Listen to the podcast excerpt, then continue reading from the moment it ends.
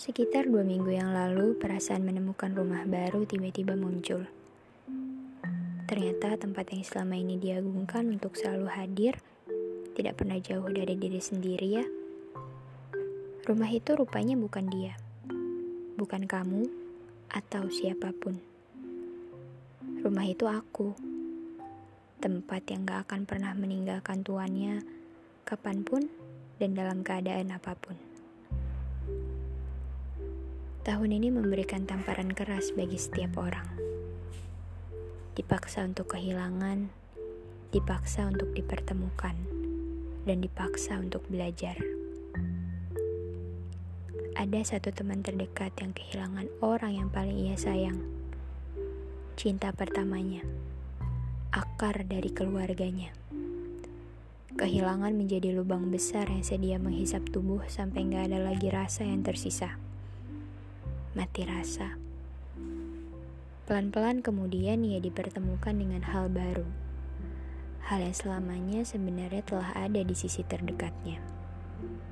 Namun ditolak untuk dianggap ada. Kebahagiaan gak pernah bisa digantungkan ke orang lain. Ia hadir karena tercipta oleh pikiran sendiri. Kebahagiaan kita yang ciptain.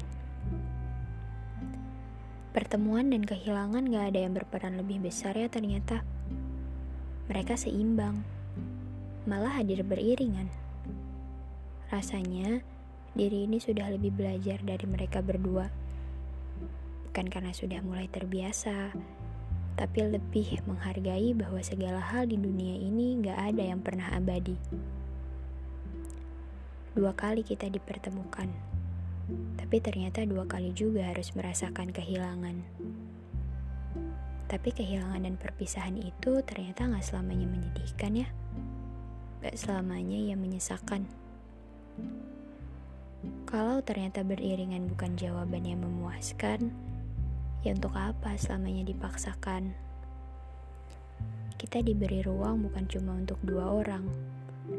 Waktu yang kita punya juga bukan cuma untuk sepasang tapi harus ada ruang dan waktu lebih yang diberikan untuk diri sendiri. Maaf dan terima kasih berulang ku dengar dari diriku dan untuk diriku lagi. Maaf ya, lagi-lagi pertemuan ini hanya untuk pembelajaran. Bukan ini akhiran yang sebenarnya disemogakan. Kita saling mengasihi dan menghangatkan walau tanpa bergandengan mungkin akan lebih banyak lagi kejutan yang akhiran yang akan mengambil peran. Di mana pun itu, mungkin di peron kereta, atau di warung kopi, atau mungkin di kebun teh, atau bisa jadi di pantai. Ya siapa yang tahu.